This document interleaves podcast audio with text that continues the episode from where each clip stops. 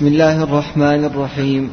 الحمد لله رب العالمين والصلاة والسلام على أشرف الأنبياء والمرسلين نبينا محمد وعلى آله وصحبه أجمعين.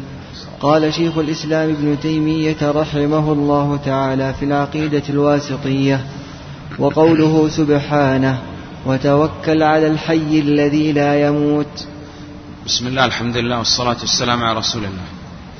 آه، تقدم معنا شرح سورة الإخلاص وآية الكرسي.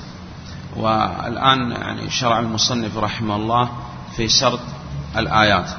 من من بدأ بآية بسورة الإخلاص ثم آية الكرسي لكن بدأ قلنا بسورة الإخلاص لأنها تخلص قارئها من الشرك وآية الكرسي أعظم آية في كتاب الله. ثم بعد هذا ذكر الآيات منها هذه الآية. قال وتوكل على الحي الذي لا يموت. التوكل تقدم معنا. هو صدق الاعتماد على الله مع الثقة به والأخذ بالأسباب. لابد من ثلاثة أشياء. صدق اعتماد وتثق أن الله سبحانه وتعالى منجز لك ما وعد وأخذ بالأسباب خرج به التواكل والتوكل ينقسم إلى ثلاثة أقسام. الأول اعتماد مطلق وتفيض جميع أموره إليه. واعتقاد أن بيده جلب المنافع ودفع المضار صرف لغير الله شرك أكبر مخرج من المل لا يمكن هذا أن يصرف إلا لله سبحانه وتعالى. والدليل الآية. الثاني اعتماد على حي مع نوع افتقار. قال هذا نوع من الشرك الأصغر. كالذين يعتمدون على الأمراء والسلاطين في رزقهم ومعاشهم. إذا كان عنده نوع افتقار فهذا نوع من الشرك الأصغر وقلنا مثل أيضا الدعاء. إذا كان يطلب الدعاء من الحي ولكن عنده نوع من الافتقار. هذا نوع من الشرك الأصغر. لأنه لا يمكن العبد أن يفتقر إلا ها لله سبحانه وتعالى. الثالث وكالة. وقلنا لا يصح أن تقول توكلت على فلان أو توكلت على الله ثم على فلان. بل تقول وكلت أي فوضت. وهذا من حيث تفويض آه جعلناه قسم من أقسام الوكالة. وإلا في الحقيقة أنه ما يصح أن تقول توكلت على فلان. مفهوم؟ وكل النبي صلى الله عليه وسلم في شؤون العامة وشؤونه الخاصة طيب. وتوكل على الحي. تقدم معنا الحي هو ذو الحياة الكاملة التي لم تسبق.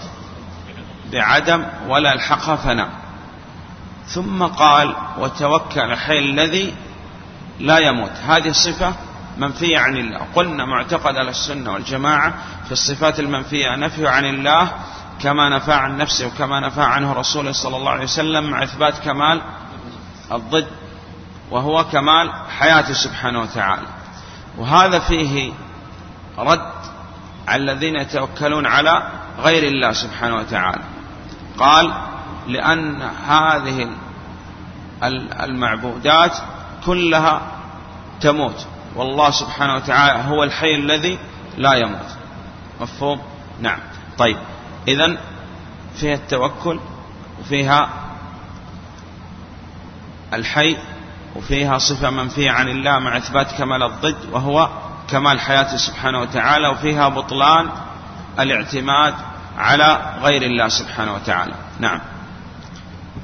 وقوله سبحانه هو الأول والآخر والظاهر والباطن وهو بكل شيء عليم. هو الأول والآخر. قال والظاهر والباطن.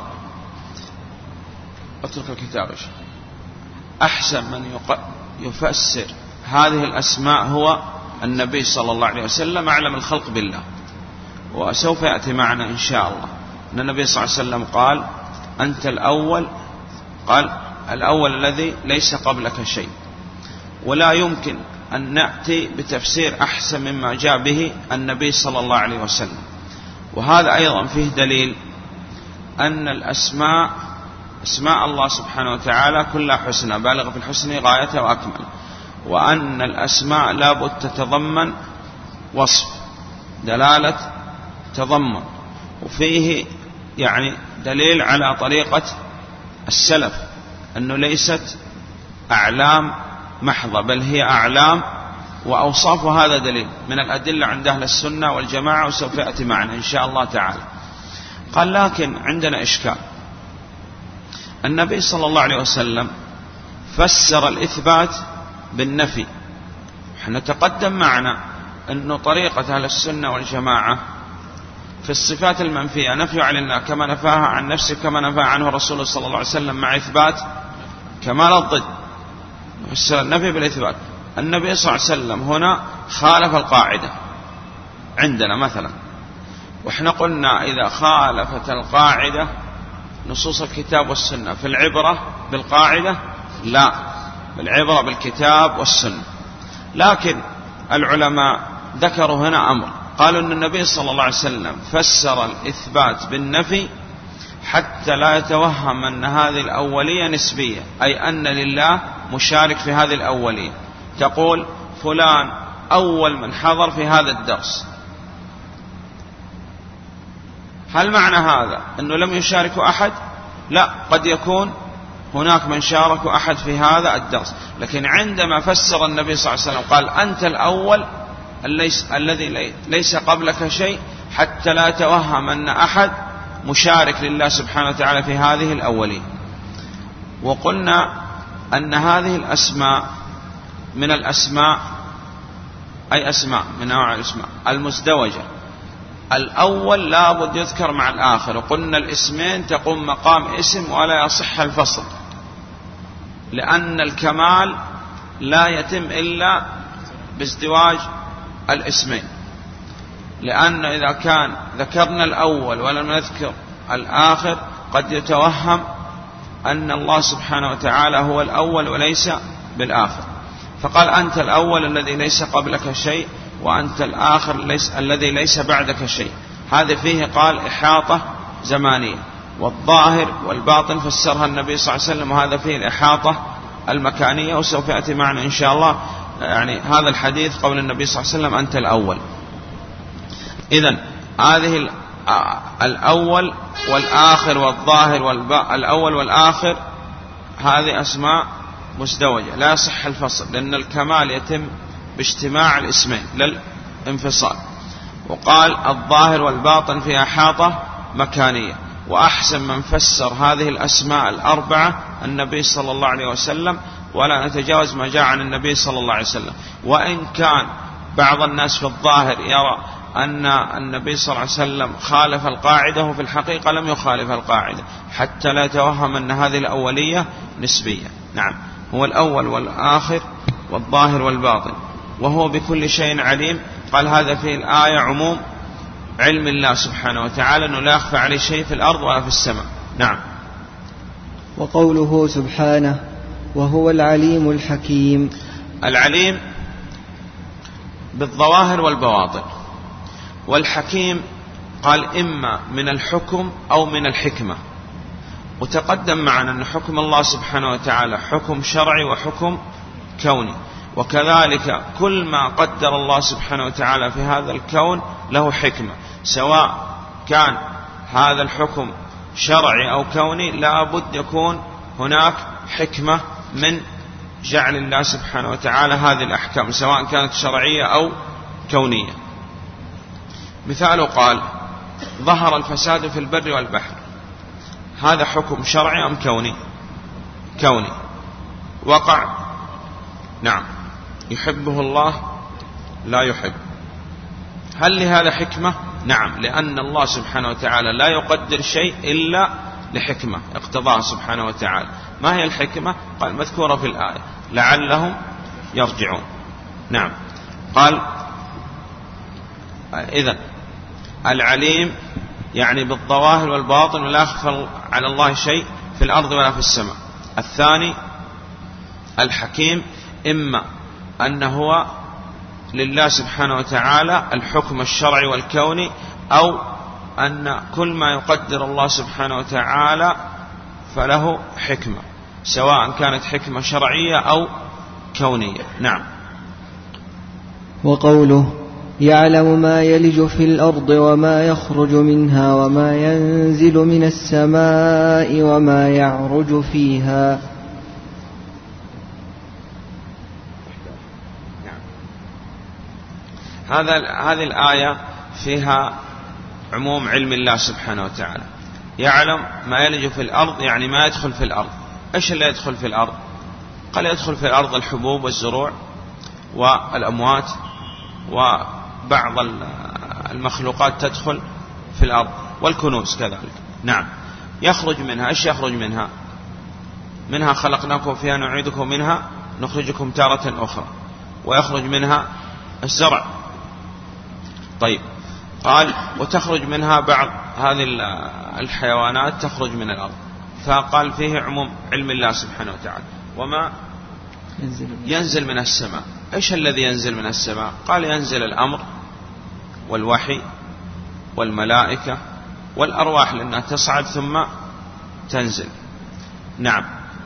وما؟ يعرج فيها. يعرج فيها. يعرج فيها. قال هنا في مكان إلى. وهذا من باب أن الحروف بعضها يأتي مكان بعض. مثال قال أن النبي صلى الله عليه وسلم قال اللهم حبب إلينا المدينة كحبنا غيرها أو أشد. هنا أو مكان الواو يعني وأشد. وأرسلناه إلى مائة ألف أو يزيدون يعني ويزيدون. لأن الحروف يأتي بعضها مكان بعض. هذا قول في الآية. لكن يقول الشيخ بن عثيمين رحمه الله أولى من هذا أن تجعل الحرف كما هو وتقدر فعل يناسب الحرف. مثال قال قال الله سبحانه وتعالى عينا يشرب بها عباد الله. نقول الباء هنا مكان منها عينا يشرب منها عباد الله. وهذا من جعل الحروف بعضها مكان بعض. هذا قول. والقول الثاني أن تقدر فعل يناسب الحرف. عينا يشرب فيروى آه بها. صحيح؟ فناسب الآن. وقال هذا يأتي يعني تقدير فعل هذا يؤدي إلى زيادة في المعنى. وهذا أولى يقول. يعرج فيدخل فيها. مفهوم؟ إذا فيها فيها وجود هذا الحرف حرف الجر نقول له أمر أننا نقول أن هذا من نيابة الحروف بعضها مكان بعض أو نقدر فعل وهو الأولى لأنه يؤدي إلى زيادة في المعنى. نعم. وقوله وعنده مفاتح الغيب لا يعلمها إلا هو. وعنده مفاتح الغيب. مفاتح الغيب يقول خمسة. ذكرها الله سبحانه وتعالى في قوله إن الله عنده علم الساعة وينزل الغيث ويعلم ما في الأرحام وما تدري نفس ماذا تكسب غدا وما تدري نفس بأي أرض تموت. مفاتح الغيب يقول خمسة. مفتاح إن الله عنده علم الساعة مفتاح الدار الآخرة. لا يعلمها إلا هو. إن الله عنده علم الساعة وينزل الغيث مفتاح حياة الأرض. وقال وعندما قال إن الله عنده علم الساعة وينزل الغيث ويعلم ما في الأرحام مفتاح ها الأجنة وأنه لا يعلمها إلا الله سواء كانت من الإنس أو من غير الإنس. قال ويعلم ما في الأرحام وما تدري نفس ماذا تكسب غدا. هذا مفتاح الأرزاق والأخير مفتاح الآجال. إن الله عنده علم الساعة لا يعلمها إلا هو وهذا مما استأثر الله سبحانه وتعالى به في علم الغيب عنده. قال متى الساعة؟ قال من المسؤول عنها بأعلم من الساعة. وقال إن الله عنده علم الساعة وينزل الغيث ولم يقل وينزل المطر. لأن المطر قال في الغالب جاء في القرآن ويراد به العذاب. نسأل الله السلامة والعافية. قال قالوا هذا عارض ممطرنا التي أمطرت مطر السوء. قال وينزل الغيث لأنه ليست السنة ألا تمطر ولكن السنة أن تمطر أن تمطر ولا تنبت الأرض شيئا. يعني يكون بهذا الغيث حياة الأرض. وهذا اللي نريد. ما نريد نزول الماء فقط نريد نزول الماء ويحصل به الغيث يعني النفع للناس. وينزل الغيث ويعلم ما في الأرحام يشمل كل ذي رحم سواء كانت من الإنس أو غير الإنس. قال طيب الآن يعلم بالتصوير وبالطب الحديث ماذا في بطن المرأة؟ صحيح؟ نعم. قال لكن الله سبحانه وتعالى يعلم هذا قبل أن يخلق وقبل أن يتشكل. صحيح؟ ويعلم الله سبحانه وتعالى ماذا في بطن المرأة وغير المرأة من مخلوقات الله سبحانه وتعالى. ويعلم ما في الأرحام وما تدري نفس ماذا تكسب غدا. قال هذا مفتاح الأرزاق وبأي أرض تموت مفتاح الآجال. نعم. إذا هذه الآية فيها مفاتح الغيب وعنده مفاتح الغيب. وتقديم من حق التأخير يدل على الحصر عند الله لا عند غيره. وعنده مفاتح الغيب ولا يعلمها إلا هو عموم علم الله سبحانه وتعالى. ويعلم ما في البر والبحر هذا تفصيل الآن. وما تسقط من ورقة إلا يعلمها يعني لا شيء قليل ولا كثير إلا يعلم الله سبحانه وتعالى. ولا رطب ولا يابس مخلوقات الله سبحانه وتعالى إما أن تكون رطبة أو يابسة. نعم إلا في كتاب مبين وتقدم معنا. في مراتب الإيمان بالقضاء قدر أنها أربعة علم وكتابة نعم. وعنده مفاتح الغيب لا يعلمها إلا هو ويعلم ما في البر والبحر وما تسقط من ورقة إلا يعلمها ولا حبة في ظلمات الأرض ولا رطب ولا يابس إلا في كتاب مبين. وقوله وما تحمل من أنثى ولا تضع إلا بعلمه. نعم هذا تقدم معنا في آه، عموم علم الله سبحانه وتعالى ومفاتح الغيب ومنها يعلم ما في الأرحام. وما تحمل من أنثى هذه من صيغ العموم يشمل كل أنثى سواء كانت من البشر أو من غير البشر. ولا تضع إلا بعلمه. قد يقدر العلماء وقت للولادة لكن لا يعلم وقت الولادة إلا إلا الله سبحانه وتعالى. ولا تضع إلا بعلم الله سبحانه وتعالى. نعم.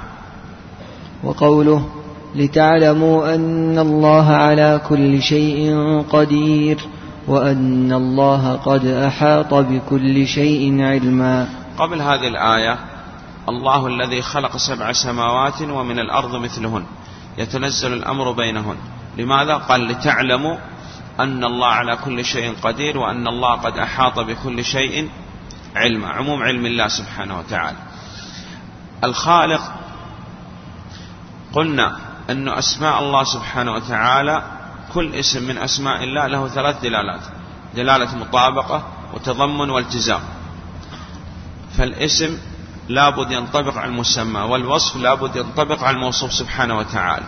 ولابد من في كل اسم لابد يكون به صفة. ولا كان نوع من أنواع الإلحاد في أسماء الله. وأيضا عندنا دلالة التزام.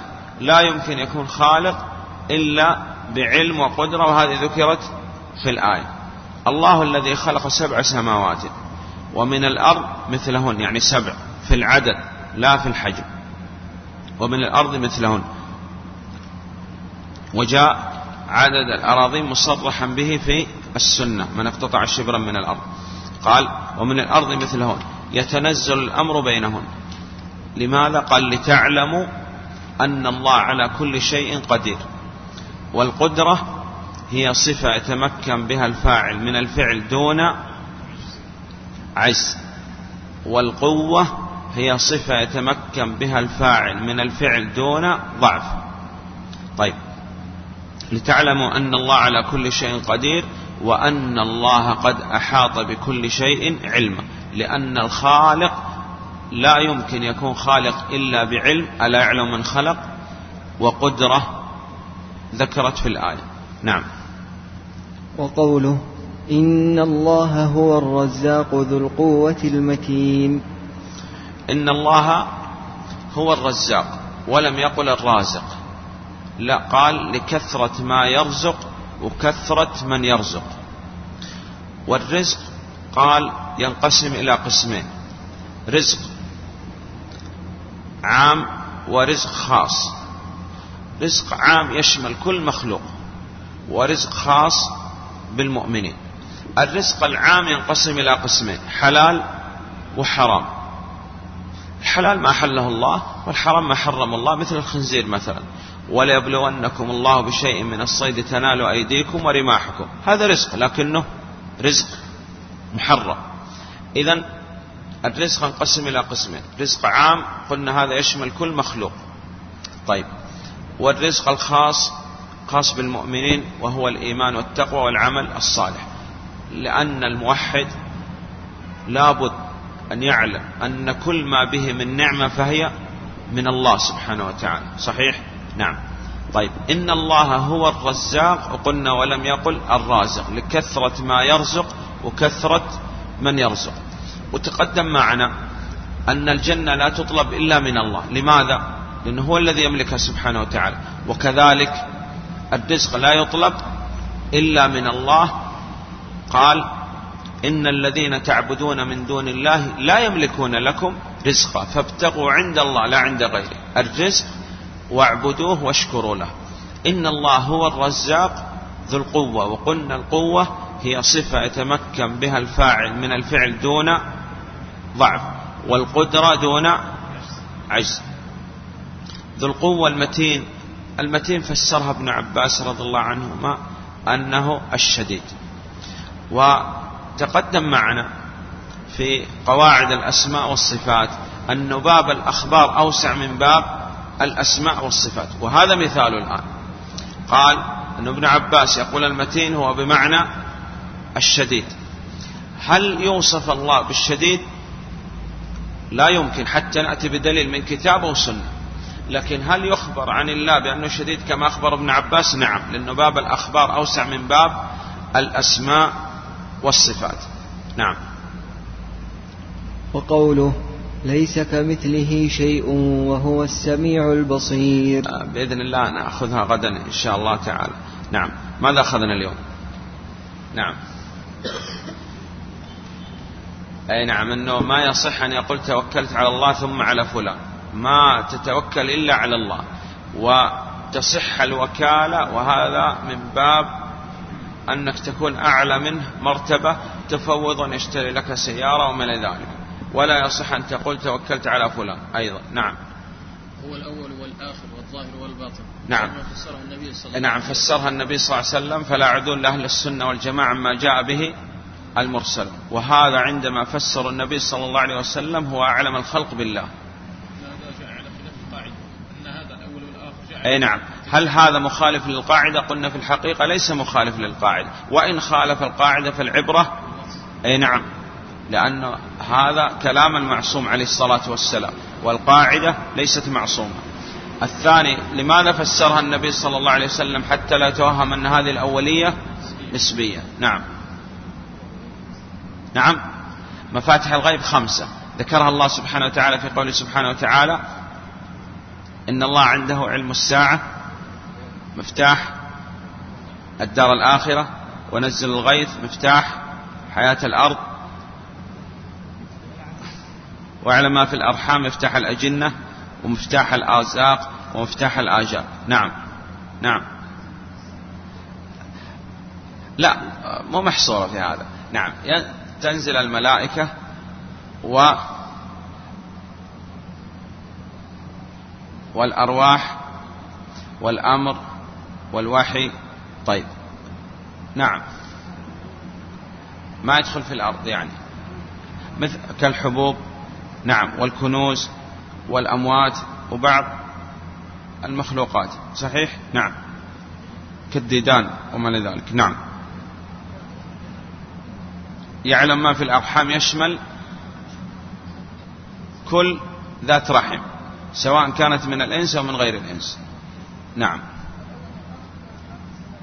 الأول والآخر إحاطة زمانية وهذه أسماء مزدوجة لا يمكن أن تفصل. والظاهر والباطن إحاطة مكانية وفيها عموم علم الله سبحانه وتعالى كما ذكر أيضا في آخر الآية. نعم.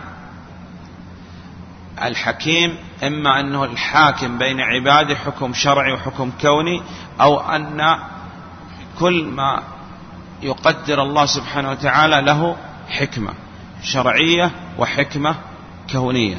نعم. التوكل ينقسم إلى ثلاثة أقسام. الأول صرف لغير الله شرك أكبر والثاني اعتماد على حي معنى وافتقار شرك أصغر والثالث وكالة فهذه جائزة والله أعلم وصلى الله على محمد وعلى صحبه وسلم.